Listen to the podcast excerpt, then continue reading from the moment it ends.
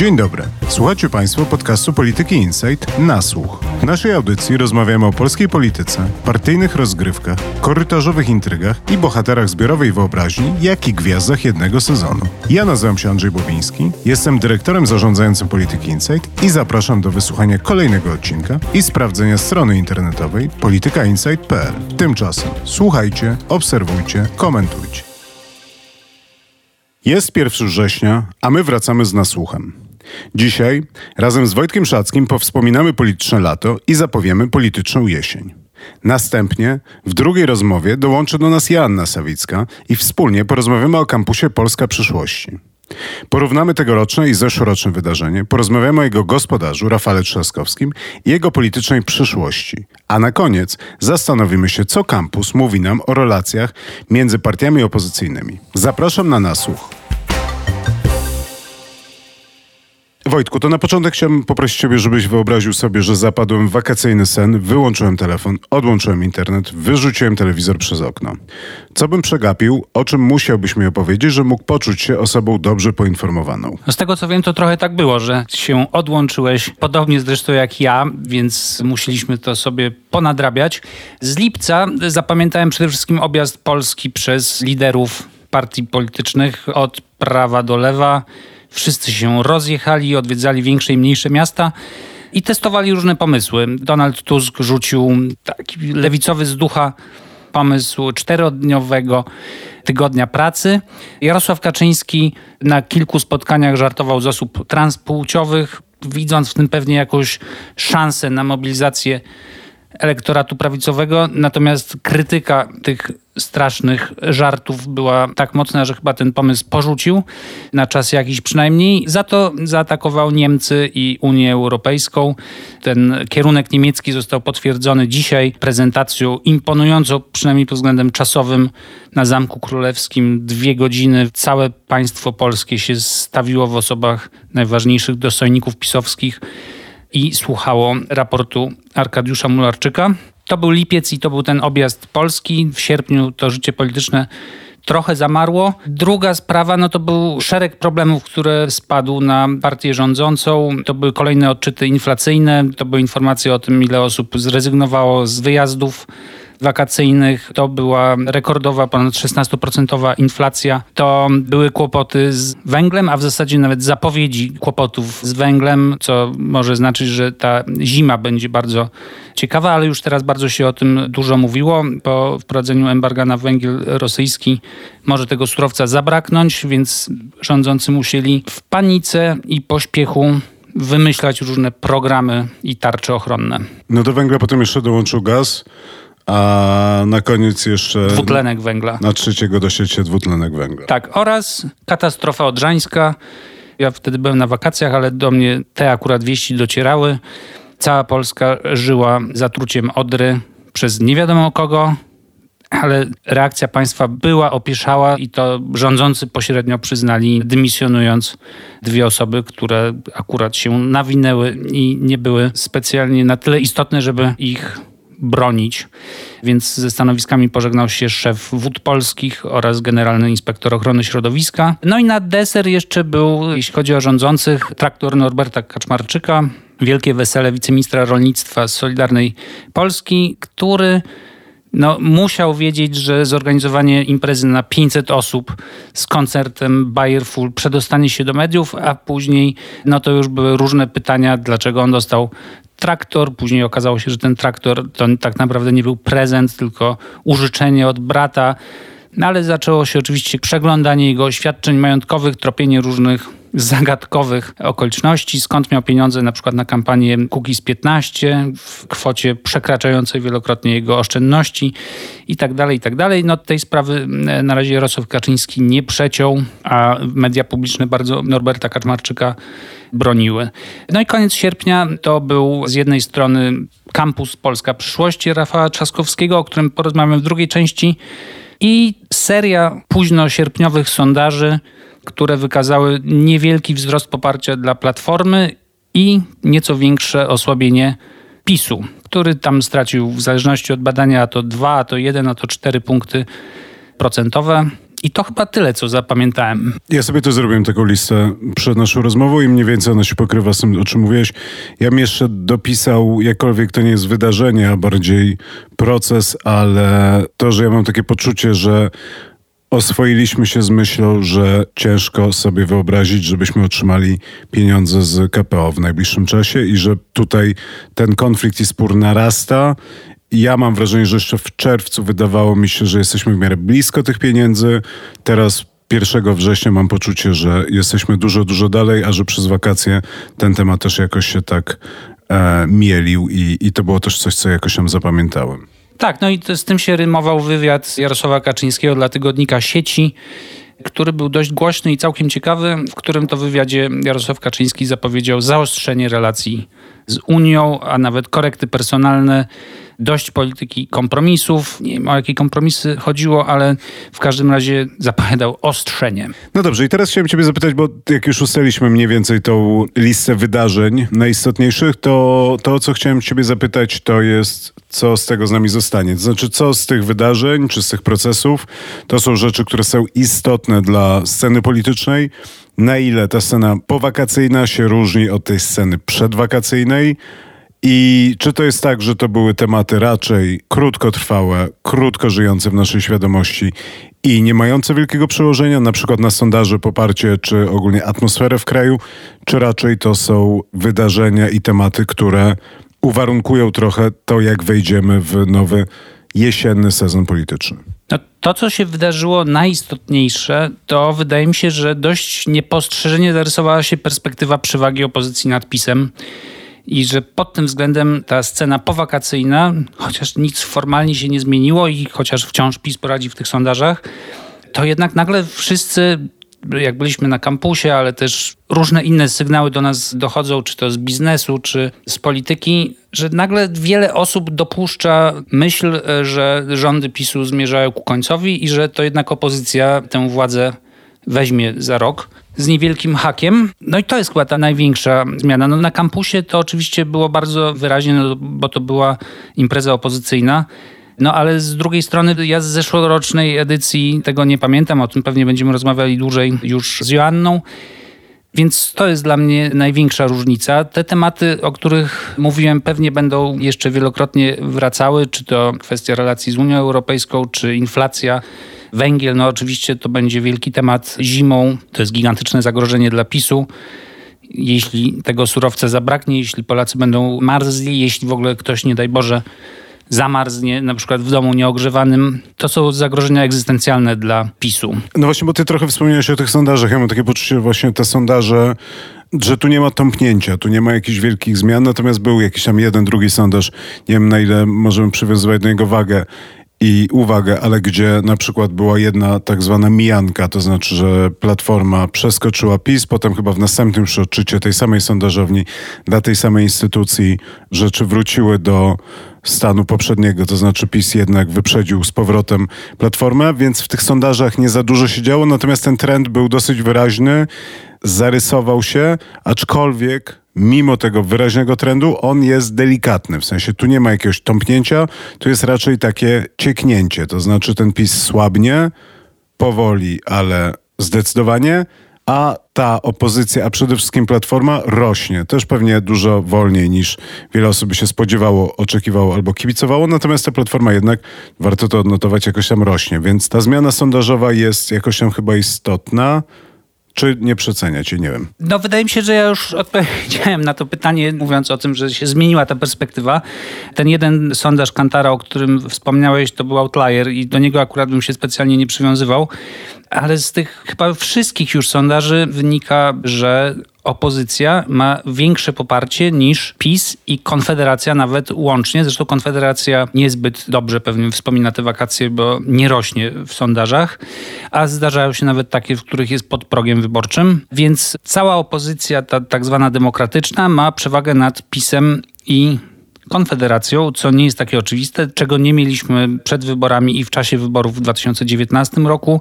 Ten obraz się zmienił. No dobra, to inaczej ci zadam to pytanie. Czy myślisz, że będzie jesienna korekta tych sondaży i jednak PiS urośnie A. Opozycja straci, czy raczej jesteśmy w środku albo na początku wręcz trendu, który będzie się wzmacniał? Ja nie spodziewam się teraz jakichś wielkich zmian w sondażach. Nie bardzo widzę powody, dla których notowania PiSu miałyby rosnąć.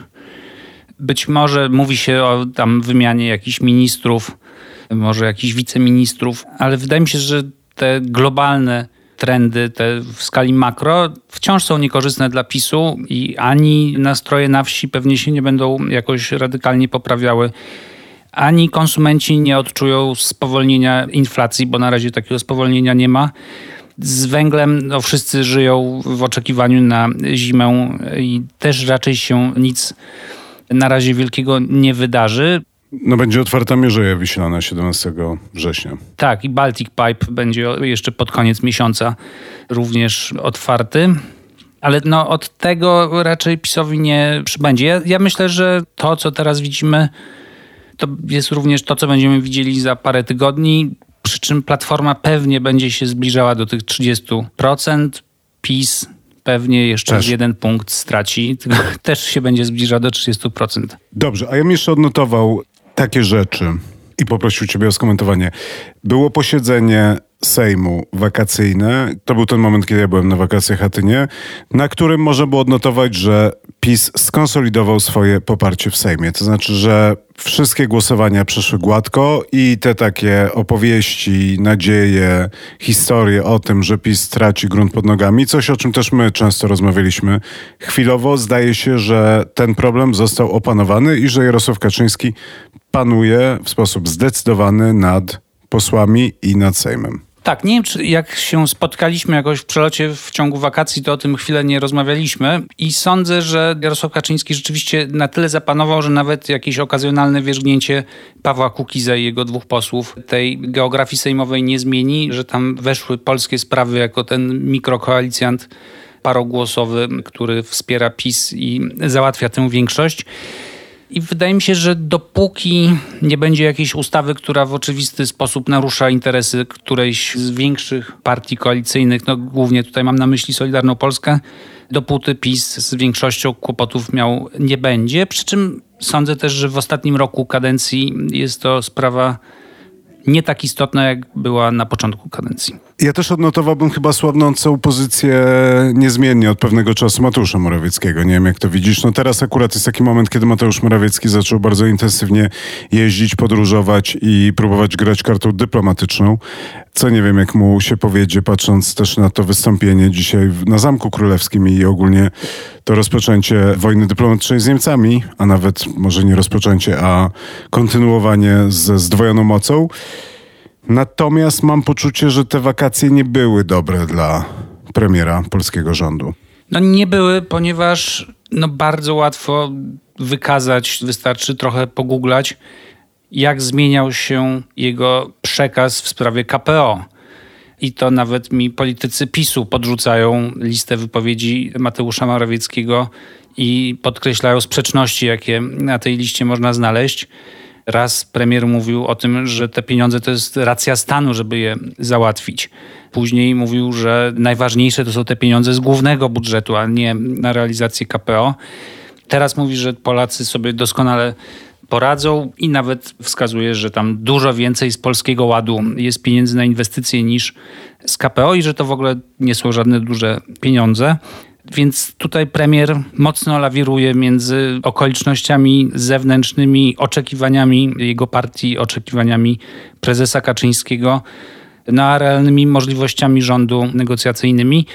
No i bardzo ciężko mu się w tej roli odnaleźć. Wygląda to karykaturalnie. Na pewno go nie wzmacnia, a niektórych jego ludzi może kosztować utratę stanowiska. I wreszcie na koniec coś, co spina też parę tematów, o których rozmawialiśmy, to jest ta słabnąca i też coś, o czym wspomniałeś w przelocie, ale o co chciałem jeszcze ciebie dopytać, to, to jest ta słabnąca pozycja i poparcie dla PiSu na polskiej wsi. Wydaje mi się, że to jest taki moment, kiedy widzieliśmy i te tematy związane z nawozami, i te tematy związane trochę z Odrą, i ten traktor, ileś tematów, które spowodowały, że PiS może mieć problem, żeby utrzymać stan posiadania na polskiej wsi, a bez tej wsi bardzo ciężko będzie zrobić dobry wynik wyborczy. No, będzie to po prostu niemożliwe. Jeśli spojrzymy na te ostatnie wybory, to widzimy wyraźnie, że PiS zawdzięczał większość wielkiej mobilizacji mieszkańców wsi, to po pierwsze, a po drugie bardzo wysokiemu poparciu tych mieszkańców. Więc jeśli zabraknie któregokolwiek z tych elementów, to znaczy jeśli wyborcy przestaną być wyborcami, to nawet kilkaset tysięcy zapewne zdemobilizowanych wyborców wystarczy, żeby PiS stracił władzę. A po drugie, wysokość tego poparcia, nawet jeśli ten tort pozostanie taki sam, wyborców, to jeśli PiS dostanie z niego mniejszy kawałek, a może dostać trochę mniejszy kawałek, no bo jest jeszcze agrounia, która jakoś się organizuje. Troszkę podobno wzrosło też poparcie dla Platformy na wsi. Więc wystarczy niewielkie nawet przesunięcie wśród tych wyborców, którzy zostali, żeby PiS to bardzo mocno odczuł. Dobrze, Wojtku, teraz na koniec chciałem Cię poprosić, żebyśmy tak szybko zarysowali tematy, które będą istotne teraz na jesieni. Ja bym ci wrzucił może takie kierunki i poprosił ciebie o rozwinięcie ich. Jeden to jest, czy dojdzie do jakiejś ofensywy polityczno-legislacyjnej PiSu i tu pewnie z pytaniem o zmianę ordynacji wyborczej. Dwa, to jest, co się będzie działo na opozycji i czy już to jest ten moment, kiedy możemy zacząć na poważnie zastanawiać się nad kształtem list i czy to już jest ten moment, kiedy opozycja zaczyna się układać. No i wreszcie, na ile gospodarka, inflacja i wszystkie te tematy będą odgórywały rolę w polskiej debacie publiczno-politycznej. I ostatnia, czwarta rzecz, coś nad czym ja się zastanawiam, czy dojdzie do tego momentu, w którym temat Ukraińców w Polsce stanie się problemem dla PiSu z racji na obciążenie usług publicznych. Znaczy, to jest coś, o czym my rozmawiamy też od pewnego czasu, coś, czego nie doświadczyliśmy, nie widzimy i dobrze. Natomiast z różnych rozmów mogłoby wynikać, że patrząc na przykład na badania opinii publicznej, jakieś fokusy, że zbliżamy się do tego momentu, kiedy jednak temat tych wszystkich Ukraińców, którzy w Polsce zamieszkali w wyniku napaści Rosji na Ukrainę, to może zacząć być problemem dla PiSu rządu i zacząć ciążyć partii rządzącej. Taka czwórka. Czy też byś tak nazwał i czy zgadzasz się z tym, że to będą te cztery takie główne tematy jesieni polityczne? Zacznę może od opozycji, bo zgadzam się z pewnym politykiem, który mi powiedział, że teraz dużo ciekawiej będzie się działo po stronie opozycyjnej niż po stronie pisowskiej. Zdaniem tego polityka i ja uważam, że on miał rację. Tusk będzie próbował odtworzyć to, co robił Jarosław Kaczyński, który w 2014 podporządkował sobie inne byty po stronie prawicowej, partię Gowina, partię Ziobry i zbudował wielki obóz pod swoim przewodnictwem obóz Zjednoczonej Prawicy, a de facto był to taki szeroki PiS. I sądzę, że będziemy obserwowali próbę budowy czegoś takiego i że ten temat wspólnej listy opozycji, o którym rozmawialiśmy wiele razy, teraz powróci w takim nowym wydaniu budowy listy Tuska, budowy listy szerokiej platformy, czy też próby przynajmniej stworzenia czegoś takiego i w tym wydaniu zobaczylibyśmy Donalda Tuska jako takiego dominatora po stronie opozycyjnej. Czyli wspólna lista nie byłaby już efektem partnerskich rozmów partii, które byłyby jakoś tam równe, oczywiście w zależności od swojego poparcia sondażowego, ale teraz to będzie po prostu plan Tuska, który chciałby pozbierać wszystkich słabszych zawodników po stronie opozycyjnej i włączyć ich do swojej drużyny, wyrzucając tych, z którymi nie jest mu po drodze. Więc wydaje mi się, że będzie taka rywalizacja po stronie opozycyjnej, kto się w takim planie mieści, kto się nie mieści, kto chciałby ten plan storpedować. Wygląda na to, że Donald Tusk opanował sytuację w Platformie Obywatelskiej, że nie ma tam żadnego liczącego się rywala i może teraz przystąpić do próby skonsumowania innych partii opozycyjnych i na swoich warunkach wciągnięcia ich na wspólną listę. I tutaj z kolei rozmawiałem z kimś innym, kto powiedział, że pierwszym na tej liście byłby Władysław Kośniak-Kamysz i PSL. Później Szymon Hołownia, pozbawiony w ten sposób jedynego oczywistego partnera, musiałby dołączyć, a na koniec Lewica dostałaby wybór albo dołączy, albo wystartuje samodzielnie. Oczywiście te partie nie muszą pójść w tę stronę, mogą próbować się jednoczyć na swoich warunkach, natomiast na razie nie ma jakichś zaawansowanych rozmów między na przykład PSL-em a Polską 2050. Więc to jest kwestia opozycji. Jeśli chodzi o rządzących, no jest ten wielki temat ordynacji wyborczej, który od kilku miesięcy powraca w kuluarowych rozmowach. Z tego, co ostatnio słyszałem, jest to pomysł, z którym chodzi Jacek Kurski, prezes telewizji publicznej, który jak widać poza organizowaniem koncertów Disco Polo ma też czas na matematyczne rozkminy ordynacyjne. Sprzyja mu Jacek Sasin i o dziwo nie są przeciwni temu pomysłowi ziobryści. Wydawałoby się, że jest to pomysł, który idzie w poprzek ich partyjnych interesów, ale rozmawiałem z nimi i oni wcale nie mówią nie.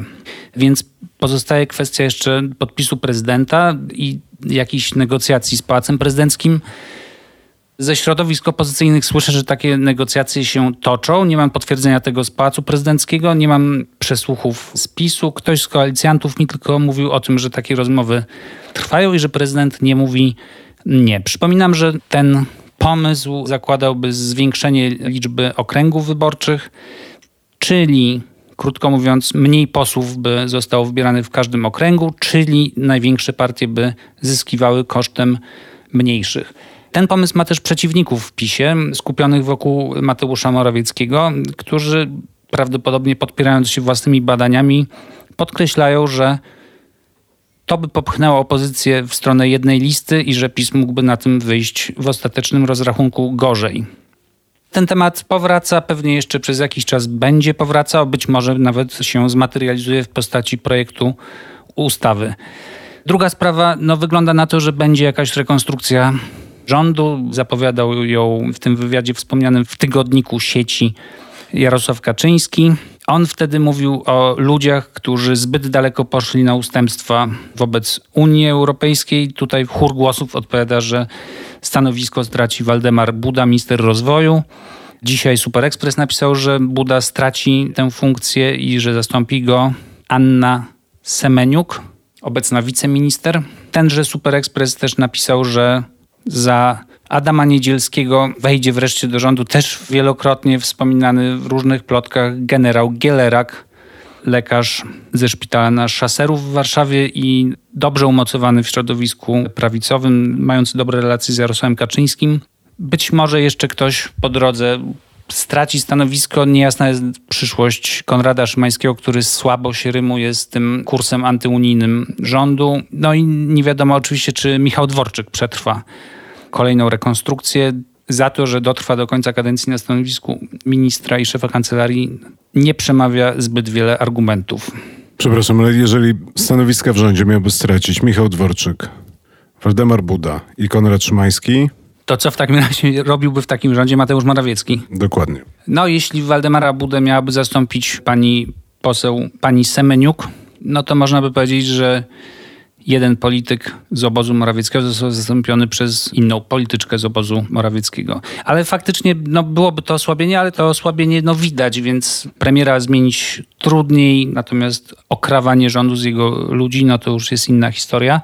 Przy czym ja nie przesądzam, że ta rekonstrukcja się teraz zaraz wydarzy. Przynajmniej otoczenie Mateusza Morawieckiego na razie dementowało te plotki. Jeszcze pytałem ciebie o gospodarkę i inflację. Na ile to będzie duży temat i o temat Ukraińców w Polsce.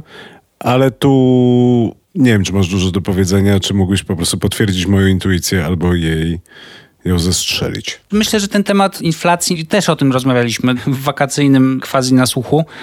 Ten temat będzie się tlił, będzie od czasu do czasu wybuchał jakimś większym płomieniem przy okazji pewnie świąt albo jakichś innych okazji, gdy Polacy więcej wydają. Pewnie przy każdorazowym odczycie inflacji też będzie mała burza w mediach ale nie sądzę, żeby sama inflacja kilkunastoprocentowa do czegoś wielkiego doprowadziła. To puentując to i reagując na to, co powiedziałeś, powiedziałbym tak. Wydaje mi się, że o tym, jak będzie wyglądała ta sytuacja, jak wygląda opozycja przed tym momentem, kiedy realnie usiądą do stołu i zaczną negocjować start w wyborach, to jest oddzielny temat. Ja nie do końca się zgadzam ze wszystkim, co powiedziałeś, ale proponuję tutaj nie wchodzić w głębszą i dłuższą polemikę. Natomiast pewnie zgadzałbym się i zgadzam się z tym, co mówisz, to znaczy, że zmienia się trochę logika myślenia o tym i odchodzimy od logiki wspólnej listy, a bardziej wchodzimy w logikę wielkiej listy Donalda Tuska, ale to jest dłuższa rozmowa. Jeżeli chodzi o ordynację i o plany PiSu, to moje wrażenie jest takie, i tu zacytowałbym anonimowego rozmówcę, z którym ostatnio rozmawiałem, który powiedział mi, że on ma poczucie, że w ostatnim roku rządów, bo zakłada, że to jest ostatni rok rządów Zjednoczonej Prawicy, on nie wierzy w jakiekolwiek przyspieszenie, w jakąkolwiek ofensywę pisowską, twierdząc, że to jest ten moment, kiedy partie zajmują się głównie samą sobą i problemami, które same wytwarzają i że to jest powrót do wielokrotnie powtarzanego hasła, którego używaliśmy, czyli AWS-izacji. To znaczy, to jest ten moment, kiedy ta AWS-izacja się ziści. To jest ten moment, kiedy partia rządząca bardziej będzie działała do wewnątrz, bardziej będzie się zajmowała sobą, niż będzie w stanie zrobić cokolwiek co mogłoby przynieść jej jakąś korzyść na zewnątrz, czyli korzyść wyborczą. Dlatego ja nie wierzę w tę ordynację. Z tą ordynacją jest ten kłopot z punktu widzenia PiSu, że no nawet to, co mówiłem, że jedni chcą, inni nie chcą, e, zastanawiają się, czy to w ogóle się opłaca, no, a ten obóz nie wydaje się zdolny do przeprowadzenia jakichś wielkich, skomplikowanych i wymagających gry na wielu fortepianach operacji. Wojtku, dziękuję bardzo. To jest to, o czym będziemy rozmawiać w tym sezonie, tej jesieni. To jest to, na co będziemy patrzeć i myślę, że każdy z tych tematów będziemy rozwijać. A teraz zapraszamy na drugą część naszej rozmowy, na rozmowę z Janną Sawicką, w której porozmawiamy o tym, co widzieliśmy i co słyszeliśmy na kampusie Polska Przyszłości. Joanno, witaj. Wczoraj wróciliśmy we trójkę, a nawet większą ekipą z kampusu Polska Przyszłości, którego jako Polityka Insight byliśmy partnerem, co mam nadzieję nie ma wpływu na nasz możliwie obiektywny odbiór tego wydarzenia. I o właśnie tym odbiorze chciałem z wami porozmawiać. Przede wszystkim chciałem was zapytać o wasze wrażenia z tegorocznego kampusu, a następnie chwilę porozmawiać o tym, co z tego wszystkiego wynika dla sceny politycznej, a przede wszystkim dla opozycji. I może najpierw poprosił Was o porównanie pierwszej z drugą edycją, bo na pierwszej edycji kampusu też byliśmy. Może Joanno, Tobie bym przydzielił takie dwa tematy, program i uczestnicy. Problemem tegorocznego kampusu było to, że ta zeszłoroczna edycja była bardzo udana i organizatorzy bardzo się stresowali, że nieuchronne będą porównania tej zeszłorocznej edycji i tegorocznej edycji. I oni dosyć wprost mówili, że obawiając się tych porównań, postanowili trochę pójść w ilość. To znaczy ten kampus był kampusem na wypasie, w takim sensie, że więcej było uczestników, ale to chyba, rozumiem, też po prostu wynikało z większej liczby zgłoszeń oraz tego, że w poprzednim roku nie zapełnili wszystkich miejsc dostępnych na kampusie w Kortowie. Więcej było panelistów. W zeszłym roku było ich około 150, teraz było około 400. Więcej było wydarzeń. Wtedy było około 100, teraz było około 200 wydarzeń. Też mi się wydaje, było więcej tych takich wydarzeń samych kulturalnych, to znaczy działo się więcej wieczorami. Wszystko takie było trochę bardziej niż w zeszłym roku. Trochę widać było też zmiany, jeżeli chodzi o typ uczestników. To znaczy, dosyć mocno widoczny był taki lewicujący rys w zeszłym roku. Sporo było tej młodzieży o poglądach lewicowych i też organizatorzy to przyznawali, że po prostu wiele takich osób się zgłosiło na kampus, ale też bardzo mocno to było widać w pytaniach, które zadawali politykom w czasie debat, że te pytania często były bardzo takie ostre, dociekliwe, podchwytliwe. Natomiast w tym roku ta młodzież wydawała się bardziej liberalna, bardziej zbliżona poglądami do Platformy czy Nowoczesnej. I to również przyznawali organizatorzy, że mniej osób z lewicy się zgłosiło oraz na tych debatach, na przykład na debacie Tuska z Rafałem Trzaskowskim, no praktycznie nie było żadnego takiego ostrzejszego pytania. Jedyne, które padło, to było pytanie o to, co się stało z pieniędzmi z OFE. To jeżeli chodzi o uczestników, natomiast jeżeli chodzi o program, to miałam takie poczucie, jakby ten program był bardziej dostosowany do tego, co by chciała ta młodzież. To znaczy, organizatorzy zadawali pytanie w kwestionariuszu zgłoszeniowym, o czym chcieliby rozmawiać, z kim się spotykać na kampusie. No i rzeczywiście bardzo dużo było takich spraw światopoglądowych, o sytuacji kobiet, o równości, o tolerancji. Sporo było technologii. W zeszłym roku więcej zdecydowanie było tematów o Unii Europejskiej, o gospodarce, o samorządach i takich sprawach publicznych. Teraz to było takie bardziej światopoglądowe. Ja tutaj, przepraszam, tylko wtrącę odrobinę polemicznie, że wydaje mi się, że jednak ten lewicowy obraz kampusu się utrzymał. To znaczy, to było widać między innymi w czasie debaty Trzaskowskiego z Szymonem Hołownią przy pytaniu o aborcję. Pytanie o aborcję zresztą padło też w stronę Donalda Tuska. Widać było, jak są rozłożone sympatie w sali. Widać było to też w rozmowie z Władysławem Kośniakiem Kamyszem. A również na tych mniejszych różnych debatach ta lewicowa młodzież była bardzo wyrazista i czasem polemiczna. Zapamiętałem młodego uczestnika, który krytykował Tuska za to, jak się zachowywał lider Platformy w czasie kryzysu na białoruskiej granicy. Później rozmawiałem z tym człowiekiem, to był młody działacz Razem. Więc mnie się wydaje, że jednak ten przechył lewicowy był dość wyraźny. Warto też wspomnieć o bardzo wyraźnym udziale krytyki politycznej, która miała tam swoje stoisko, cieszące się bardzo dużym powodzeniem. Rozdawali książki. A nawet sprzedawali. A nawet sprzedawali. No ja bym was pogodził i zgodził się z Aśką w tym, że ci uczestnicy w tym roku byli grzeczniejsi, że w zeszłym roku oni byli jacyś jacy bardziej krnąbrni, chętniej zadawali trudne pytania. Jakoś takie miałem poczucie, że była jakaś taka gorętsza atmosfera na tych debatach. Teraz było jakoś takie, to wszystko miałem wrażenie, było trochę bardziej ładzone. Natomiast jeżeli chodzi o tą kwestię, na ile ci uczestnicy byli lewicowi, bardziej czy mniej, to mam wrażenie, używając terminologii trochę twitterowej, że tutaj było bardzo dużo lib leftu. To znaczy, że jak były tematy światopoglądowe, to rzeczywiście ta młodzież, ale to chyba jest po prostu szerzej o dużej jednak reprezentacji młodzieży interesującej się sprawami publicznymi, ta młodzież po prostu ma inne poglądy i jest bardziej lewicowa. Natomiast jeżeli chodzi o kwestie na przykład gospodarcze, to tutaj jednak mam poczucie, że zgodziłbym się z Janną, to znaczy, że ta reprezentacja była mniej jednak lewicowa i jakkolwiek oczywiście zdarzali się jacyś tam działacze razem czy sympatycy szeroko pojętej lewicy, to jednak koniec końców ten przechył był widoczny i że to wszystko było bardziej, nie wiem czy podporządkowane celom politycznym kampusu, ale tak jak powiedziałem na początku swojej przydługiej wypowiedzi, grzeczniejsze. No dobra, to cieszę się, że uda mi się was pogodzić. To teraz jeszcze chciałem zapytać was, a może ciebie Wojtku, o atmosferę całego kampusu i o to, co się działo w tak zwanych kuluarach. No, dla tych słuchaczy, którzy nie byli tam albo nie śledzili, albo śledzili tylko w telewizji, gdzie no, były po prostu transmisje z poszczególnych dyskusji, no to warto powiedzieć parę zdań o tym, jak to wyglądało na miejscu. Kampus odbywa się na terenie Kortowa, czyli to jest miasteczko akademickie w Olsztynie. To jest spory teren z drzewami nad jeziorem z nocnym klubem Sumer, w którym raz skończyliśmy po jednym z koncertów. I tam działo się bardzo dużo. To było nie do ogarnięcia nawet dla kilkuosobowej naszej ekipy przez cały dzień, w zasadzie od samego rana aż po późny wieczór, te 1300 osób krążyło od namiotu do namiotu, od dyskusji do dyskusji. Odbywały się różne warsztaty, które wymagały również aktywności młodzieży, a nie tylko zadawania pytań. Śledziłem jakieś dyskusje, była symulacja posiedzenia NATO i później te kilkuosobowe delegacje poszczególnych krajów się rozpełzły po kampusie i dyskutowały zacięcie o tym, jakie stanowisko przyjąć, z kim się dogadać, przeciwko komu. To sprawiało wrażenie naprawdę bardzo żywego żywego wydarzenia. Wśród tych młodych ludzi krążyli politycy, eksperci. Pamiętał się a to Gary Kasparow, a to Karolina Gruszka, a to inni znani ludzie, z którymi sobie młodzi uczestnicy robili zdjęcia i tak dalej, i tak dalej.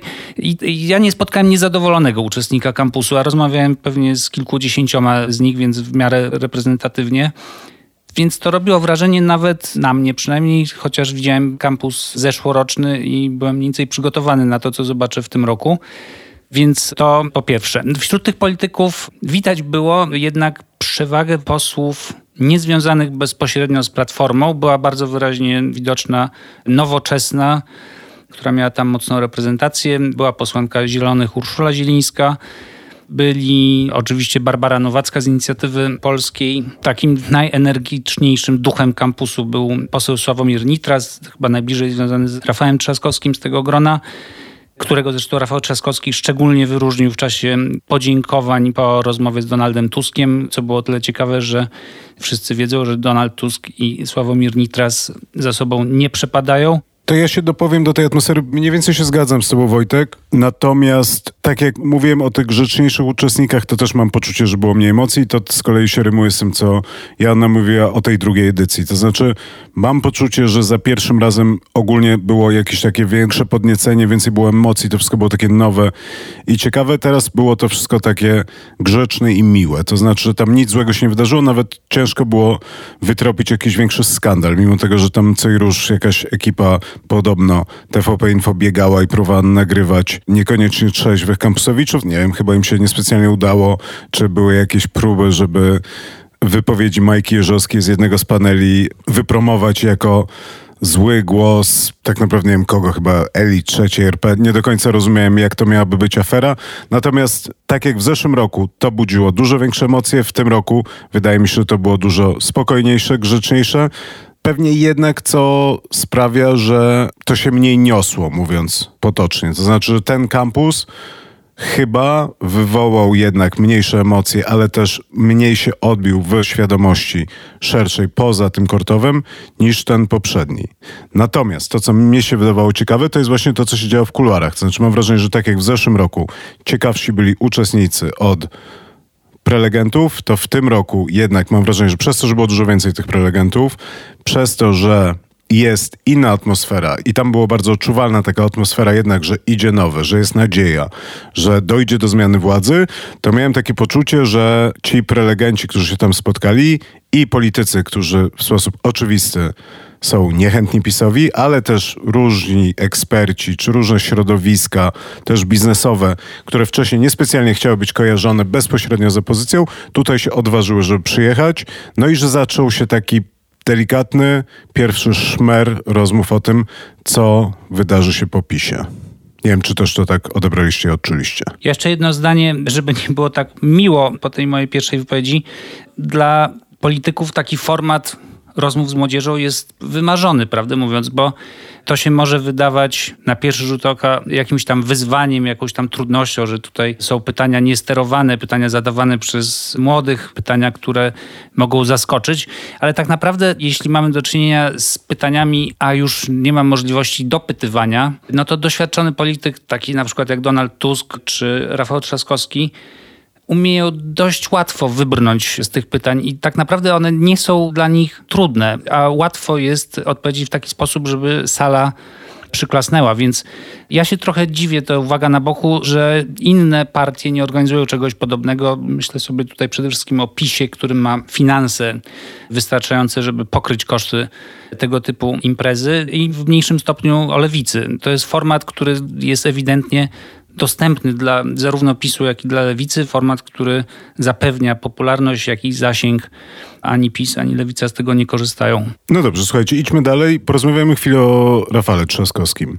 My o tym dużo rozmawialiśmy, trochę o tym pisaliśmy. Chciałem ciebie zapytać, Joanna, twoim zdaniem, co Rafałowi Trzaskowskiemu politycznie daje kampus i co z kampusu wynika dla Rafała Trzaskowskiego i dla jego przyszłej politycznej kariery? Rafał Trzaskowski od dawna stara się być takim politykiem, który idzie szerzej niż Platforma Obywatelska. To znaczy on buduje swój kapitał na tym, że w wyborach prezydenckich w drugiej turze zdobył 10 milionów głosów, co jest rzeczywiście imponującym wynikiem i od tej pory stara się pokazać, że on ma do zaoferowania więcej niż zdecydowanie węższy, bo pewnie w tym momencie można to szacować na bardziej 5, 6, może 6 z hakiem, milionowy elektorat Platformy.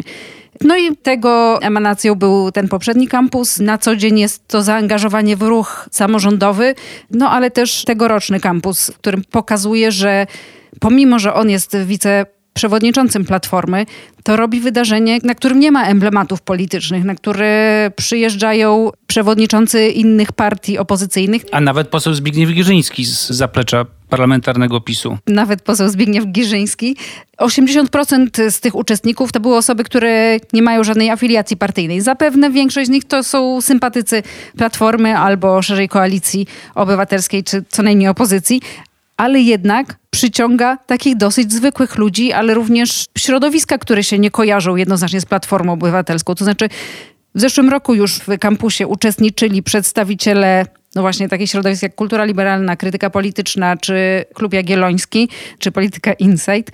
Teraz oni są partnerami tego wydarzenia. Wydaje mi się, że główną siłą Rafała Trzaskowskiego jest właśnie to, że on jest w stanie ściągnąć ludzi i środowiska, które są szersze niż Platforma. No też on siebie ustawiał, Rafał Trzaskowski, trochę jak taki zjednoczyciel opozycji, prawda? W sensie, że ty mówisz o tym wyjściu szerzej, jeżeli chodzi o poparcie i dotarcie do wyborców i różnych środowisk, ale też on trochę próbował siebie pokazać na tym kampusie. Pytanie do was, na ile skutecznie, jako taka osoba, która właśnie może tworzyć nomen omen platformę do współpracy dla opozycji i w taki sympatyczny sposób zapraszać innych partnerów, mniej lub bardziej udanie, do wspólnego dialogu o Polsce przyszłości. Wydaje mi się, że Rafał Trzaskowski stara się jakoś politycznie odróżnić od Donalda Tuska, który jest takim bardzo silnym przywódcą, który nie patrząc na nikogo rządzi twardą ręką, to Rafał Trzaskowski stara się mieć dobre relacje i pokazywać, że to on ma dobre relacje właśnie z Szymanem Hołownią przede wszystkim, no ale też z Kosiniakiem Kamyszem. Nie wiem tak naprawdę, jak obecnie wyglądają jego relacje z Lewicą. Pewnie są gorsze, ponieważ Rafał Trzaskowski dla elektoratu Lewicy jest bardzo atrakcyjnym politykiem, co sprawia, że liderzy Lewicy nie patrzą na niego tak przychylnie, ale zdecydowanie udało mu się pokazać, że to on jest, tak jak Donald Tusk wzywa wszystkich polityków opozycji do utworzenia jednej listy na de facto jego warunkach, to Rafał Trzaskowski pokazuje, że to on tak naprawdę mógłby zjednoczyć opozycję, ponieważ na jego zaproszenie przyjeżdżają ci inni liderzy. Choć Lewica zbojkotowała kampus i zaproszenia z niejasnych powodów, te zaproszenia zostały wystosowane i nawet początkowo, zdaje się, zostało to zaproszenie przyjęte. Była mowa o tym, że będzie debata liderów opozycji wszystkich, a potem Włodzimierz Czarzasty odrzucił to zaproszenie i w ślad za nim poszli inni politycy, chociaż mieli podobno, przynajmniej tak twierdzą organizatorzy, zaproszenia na w zasadzie dowolny dzień i atrakcyjne panele. Tam musiało dojść do jakiejś narady i decyzji politycznej na szczeblu liderów lewicy, żeby na kampusie się nie pojawić. Jeśli chodzi o Szymona Hołownię, no to akurat tę debatę pewnie lider Polski 2050 nie zapamięta najlepiej.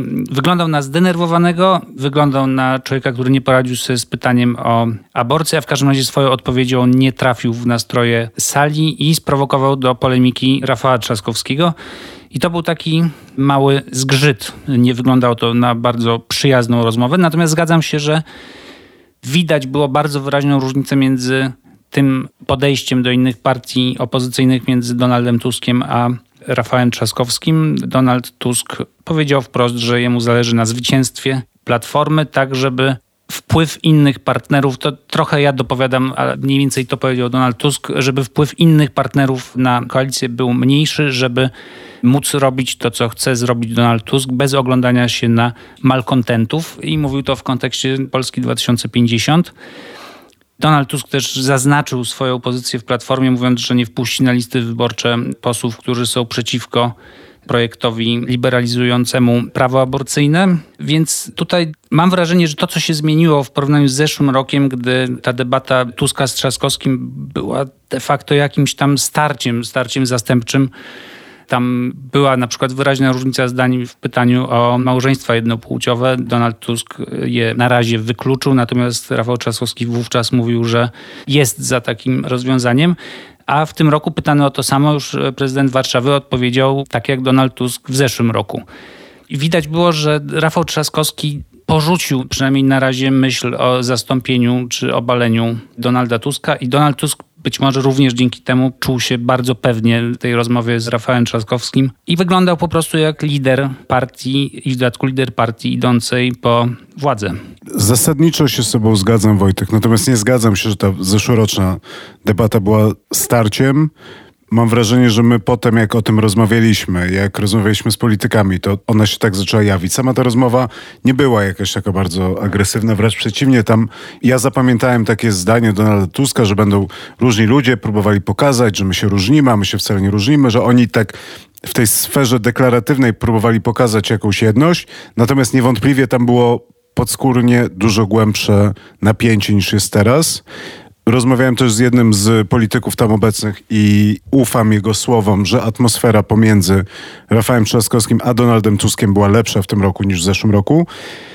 Natomiast mam wrażenie, że to wynika właśnie z tego, że Donald Tusk przyjechał dużo spokojniejszy, pewniejszy i bardziej asertywny. Znaczy miałem poczucie, że na tej scenie Rafał Trzaskowski był zestresowany, że próbował pokazać siebie jako poważnego gracza, który jest partnerem dla Donalda Tuska, a Donald Tusk z tym nie walczył i mimo paru szpileczek, które wbił, miałem poczucie, że Tusk był bardzo spokojny i znosił też jakieś sytuacje, które niekoniecznie dla niego były najwygodniejsze, na przykład bardzo długie. 17 minut stał i czekał, aż Rafał Trzaskowski przestanie Odda mu mówić. głos, co było dosyć dziwne. Natomiast Tusk to nie dość, że ustał, nie dość, że wyszedł z tego taki spokojny i wydaje mi się, że dla większości obserwatorów i uczestników sprawia wrażenie ogólnie sympatycznego i skorego do dialogu, a nie złośliwego i niechętnego gospodarzowi, czyli Trzaskowskiemu, to jeszcze na koniec pozwolił sobie na sympatyczne słowa w stosunku do Rafała Trzaskowskiego i podziękował mu za tą imprezę, docenił jego rolę, zwrócił uwagę na to, że Rafał Trzaskowski w jednym z sondaży dla Onetu stał się najbardziej popularnym politykiem, to znaczy politykiem o największym zaufaniu w Polsce. I mam wrażenie, że to, za co Tusk dziękował Trzaskowskiemu, a mógł sobie na to pozwolić, ponieważ czuje się bardzo pewny w swojej roli, to jest za to, że ten kampus dawał, i myślę, że to jest ważna funkcja tego kampusu dla obu tych polityków, to była impreza, która dawała stronie opozycyjną nadzieję na zmianę. To znaczy mam poczucie, jak obserwuję środowiska opozycyjne, że nie wszędzie i nie zawsze jest wiara w to, że uda się wygrać i że coś, czego bardzo potrzebuje ta strona opozycyjna, to jest przekonania, że uda się odebrać władzę PiSowi i że ten kampus właśnie temu służył i dlatego spełnił nie tylko oczekiwania Rafała Trzaskowskiego, który chciał mówić o przyszłości, który chciał jednoczyć, który chciał się otworzyć na tych młodych ludzi, ale też spełnił oczekiwania Donalda Tuska, bo pokazał, że opozycja może wrócić do władzy. Tak i no, zgadzam się, że ten kampus to był sukces całej opozycji, no ale przede wszystkim jednak to był sukces Platformy. I tutaj jeszcze chciałam się odnieść do tego, co mówiłeś Wojtek o Lewicy, bo mam poczucie, że to wydarzenie jakoś bardzo mocno pokazało słabość tej formacji. W sensie, że no to było bardzo niewygodne wydarzenie dla lewicy, ponieważ oni pamiętają z zeszłego roku, jaki był właśnie format tej młodzieży i jak dużo wydarzeń podejmowały tematykę ważną dla lewicy sporo jest osób w koalicji obywatelskiej, które mają lewicowe poglądy i na które głosować mogą osoby o właśnie takich przekonaniach. Nie wiem, co ostatecznie zdecydowało o tym, że lewica nie zdecydowała się wziąć udziału w kampusie, natomiast widać, że lewica jest taka niepodmiotowa na tej scenie politycznej. To znaczy, że oni boją się tej platformy, że oni trochę nie potrafią zareagować, nie potrafią przedsięwziąć czegoś na kontrze. No i oni tutaj są najbardziej stratni. W sensie nie wiem, czy oni bardziej stracili nie będąc, czy bardziej by stracili przyjeżdżając i będąc takim trochę kwiatkiem do kożucha, uczestnicząc w tym takim lewicującym wydarzeniu Platformy Obywatelskiej. Natomiast jeżeli przyjmiemy, że mniej więcej cała opozycja zyskała, no to lewica pewnie raczej nie wzięła udziału w tym zysku. Przy czym tutaj dwie rzeczy a propos tej lewicy. Jednej rozmawiałem z kimś z polityków lewicowych, który mi mówił, że oni się dużo bardziej bali pierwszej edycji i że się obawiali tego, co się wydarzy po pierwszej edycji i że patrzyli na sondaże i robili badania i wbrew ich obawom po pierwszej edycji oni nie stracili poparcia wśród młodych, to znaczy to tak naprawdę nie zaważyło na poparciu sondażowym dla lewicy. Znaczy, oni się bardzo bali tego kampusu, bali się odpływu młodych wyborców i to się nie wydarzyło. Więc z jednej strony zgadzam się z tobą, Aśka, i pewnie tak jest, że na dłuższą metę to jest niebezpieczne, bo to jest jednak impreza, która zbiera młodych, zaangażowanych ludzi, którzy są chętni, żeby się zaangażować w politykę i że oni mogą się zbliżyć do szerzej koalicji obywatelskiej albo jakiejś listy, którą tworzyłby Donald Tusk. Natomiast z drugiej strony wydaje mi się, że oni aż tak bardzo się tego nie boją, bo nie boją się takiego bezpośredniego odpływu wyborców w tym momencie, bo ci wyborcy, którzy deklarują młodzi głos na lewicę, nadal z tą lewicą zostają. Jak krótko do lewicy, nitrasa i atmosfery. Jeśli chodzi o lewicę, to tam być może jest przekonanie, że w ogólnym rozrachunku oni zyskają po prostu na tym, że młodzi ludzie są lewicowi i że po prostu więcej osób będzie głosowało na polityków o poglądach lewicowych. Tak było z tym czterodniowym tygodniem pracy, który zaproponował Tusk nieco wcześniej. Oni się najpierw tego przestraszyli, ale potem uznali, że jest to jakaś forma przesączania się poglądów lewicowych do mainstreamu, na czym oni na koniec zyskają. Nie wiem, czy to się sprawdzi, ale takie myślenie jest po stronie lewicy. Jeśli chodzi o Sławomira Nitrasa, no to będzie znakomity wskaźnik tego, czy Rafał Trzaskowski urósł po kampusie i czy jego relacje z Tuskiem są dobre, a mianowicie czy Sławomir Nitras znajdzie się na listach wyborczych i na którym miejscu. Wiadomo, że on chce iść do Sejmu, a nie do Senatu. Wiadomo, że nie chce rezygnować z kandydowania i jeśli nie znajdzie się na takiej liście wyborczej Platformy, no to będzie jednak znaczyło, że Donald Tusk znalazł się z Rafałem Trzaskowskim w konflikcie. A jeśli chodzi o atmosferę, to ja mam porównanie z 2019 rokiem po wyborach europejskich. Pamiętam te różne imprezy organizowane przez Platformę, z nich wtedy zupełnie zeszło powietrze. Oni szykowali się na klęskę w wyborach parlamentarnych po przegranej w eurowyborach i Prawdę mówiąc, przez te wszystkie ostatnie lata nie pamiętam chyba ani jednego momentu, gdy opozycja miała wiarę w zwycięstwo, gdy czuło się na imprezach przez nią organizowanych, że oni w ogóle myślą o tym, że można odebrać władzę PiSowi.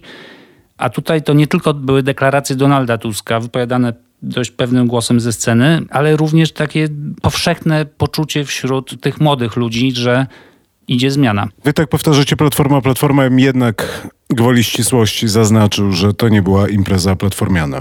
Na dobre i na złe dla Rafała Trzaskowskiego. To znaczy, z jednej strony organizatorzy chętnie to podkreślali, wskazując na to, że to jest inicjatywa ponadpartyjna, a wręcz apartyjna. I choć było dużo polityków Platformy, to oni raczej przyjeżdżali i wyjeżdżali, uczestniczyli w jakiejś debacie, a potem ich nie było. W zeszłym roku mam wrażenie, że nie wiem, czy było ich więcej, ale oni dłużej zostawali, byli bardziej widoczni. Tym razem to była grupka, nie wiem, siedmiu, dziewięciu posłów kojarzonych z Trzaskowskim, którzy byli przez cały czas i byli dostępni dla tych uczestników. Jednak w zeszłym roku ich było więcej i oni byli bardziej obecni. Więc to jest jakby jedna rzecz, że ja no, bym... Przede wszystkim zniknęła Aleksandra Gajewska, która to była jedną z najważniejszych postaci pierwszej edycji, a teraz chyba nie pojawiła się w ogóle. Nie, nie. Ona bardzo intensywnie informowała na swoich mediach społecznościowych, że robi wiele innych rzeczy, tylko nie jest na kampusie. No przypuszczam, że nie dostała zaproszenia jako osoba odpowiedzialna za organizację meetupów odbieranych jako konkurencja wobec kampusu. Więc z jednej strony chciałem podkreślić, że to jest impreza, która prawdopodobnie pomaga platformie, ale to nie jest impreza platformiana i to napięcie podskórne jakoś tam było wyczuwalne. I to jest jedna sprawa. A druga sprawa, o którą was chciałem zapytać, to jest, i już skończyć tą rozmowę, to jest, jak sobie wyobrażacie trzecią edycję? Bo tak mi się kojarzyło, jak Joanna mówiła o tej pierwszej edycji, drugiej edycji, że to jest zawsze, i to też mi się kojarzy z filmami, że zawsze jest tak, że jak jest sequel, to jest pewne napięcie, no i z reguły jednak fani wolą pierwszą część od drugiej części. Są też tacy fani, którzy powiedzą na przykład, że Terminator drugi był lepszy od pierwszego, ale no, koniec oczywiście. końców, ale koniec końców zawsze będą większość z tych ludzi, nawet ci, którzy się nie są w stanie dogadać, czy pierwsza od drugiej części była lepsza, to z reguły już trzeciej części nie poważają. I ja mam wrażenie, że kampus spełnia i spełnił pokładane w nim nadzieje i plany polityczne organizatorów. Natomiast bardzo jestem ciekaw tej trzeciej edycji, bo wydaje mi się, że ciężko będzie zrobić taką imprezę w przededniu wyborów, w trakcie, a nawet chwilę przed kampanią wyborczą. I że to jest trochę tak, że nie wiem, czy to jest tak obliczone, ale tak mi to wychodzi, że to jest taki trochę trójskok, że w pierwszym roku zrobiliśmy imprezę niepartyjną, która się uwiarygadniała jako impreza dla młodych ludzi, którzy nie chcą być powiązani bezpośrednio z żadną siłą polityczną. W drugim roku już trochę to uładziliśmy, ugrzeczniliśmy, natomiast tych szyldów i flag partyjnych nie było, ale już zmierzamy jednak w kierunku trzeciej edycji, która siłą rzeczy musi być i będzie silnie powiązana z partiami albo listami wręcz wyborczymi, no bo będziemy tak blisko wyborów, że robienie imprezy, która będzie niepartyjna, będzie niemożliwe. I pytanie, czy to nie jest śmiertelne zagrożenie dla zasadniczo sympatycznej imprezy, których jest tak strasznie mało w Polsce, to znaczy wydarzenia, na którym młodzi ludzie mogą przyjechać, spotkać ludzi, których słuchają i oglądają i zadać im niekoniecznie łatwe pytania. Wyobrażam sobie, że ta trzecia edycja niekoniecznie musi być nieudana w związku z tym, że będzie partyjna. To znaczy, jeżeli tutaj czuć było jakąś nutkę nadziei i to, że przyciągnięte zostały jakieś nowe środowiska, no to tym bardziej ta nadzieja może być wyczuwalna za rok i tym bardziej te nowe środowiska mogą tam się pojawić. W związku z tym, jeżeli rzeczywiście Platforma będzie dążyła już w jasny sposób do przejęcia władzy po wyborach, z pewnością no po prostu to będzie wydarzenie polityczne albo partyjne no w dużo większym stopniu niż to było w tym roku i w poprzednim. Jest to zagrożenie dla kolejnych lat, nie dla tego 2023, tylko pytanie, czy da się to w kolejnych latach utrzymać. To znaczy, moim zdaniem jest to zagrożenie dla tego kampusu, jak on był opowiadany dotychczas. Znaczy, nie, zgadzam się z tobą, że to może być bardzo udane wydarzenie partyjne, ale to już nie będzie to samo, co szczególnie w zeszłym roku, ale też trochę w tym roku. Wojtek. No tutaj rodzą się też pytania natury prawnej, to znaczy jeśli to będzie w czasie kampanii wyborczej, no to będzie bardzo łatwo można się przyczepić do tego, że jest to forma agitacji. I oczywiście organizatorzy, z którymi rozmawiałem o tym, bagatelizują to zagrożenie i mówią, że jest to impreza niepartyjna, finansowana głównie przez partnerów zagranicznych, że nie ma tu elementów agitacji, szyldów partyjnych, no ale żyjemy w takim, a nie innym państwie i prawdopodobnie będzie to przedmiotem zarzutów. I jeśli Platforma miałaby stracić przez to na przykład subwencje albo zwrot za kampanię, no to to jest bardzo duże ryzyko. Jakimś rozwiązaniem byłoby zorganizowanie kampusu tuż przed kampanią wyborczą, żeby uniknąć w ogóle całej tej dyskusji. A jeśli w czasie kampanii, no to pewnie z niektórych form znanych z lat ubiegłych trzeba by zrezygnować, no bo na przykład debata Trzaskowskiego z Tuskiem byłaby zapewne interpretowana jako forma agitacji, gdyby opowiadali te same rzeczy, które opowiadają w czasie kampanii na wiecach wyborczych.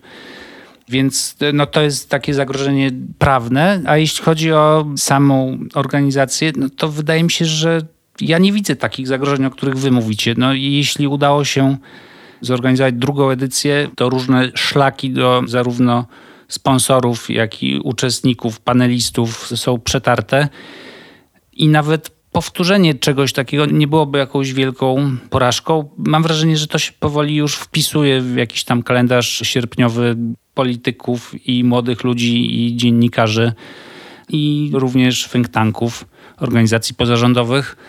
I myślę, że tej tradycji się nie przerwie. Organizatorzy mówią, że oni z czasem chcieliby oddać tę imprezę w ręce młodych, już tak w całości, ale nie sądzę, że to nastąpi już za rok. Ja osobiście myślę, że to było najlepsze wyjście i rzeczywiście najładniejszy finał tej historii, ale rzeczywiście ciężko będzie w roku wyborczym oddać tak istotną, jednak politycznie imprezę ludziom niezwiązanym z żywą partyjną polityką, a jeżeli będzie to powiązane z żywą partyjną polityką, to moim zdaniem będzie to coś innego i jednak straci to swój powab. Bardzo dziękuję i do usłyszenia. Dziękuję. Dzięki.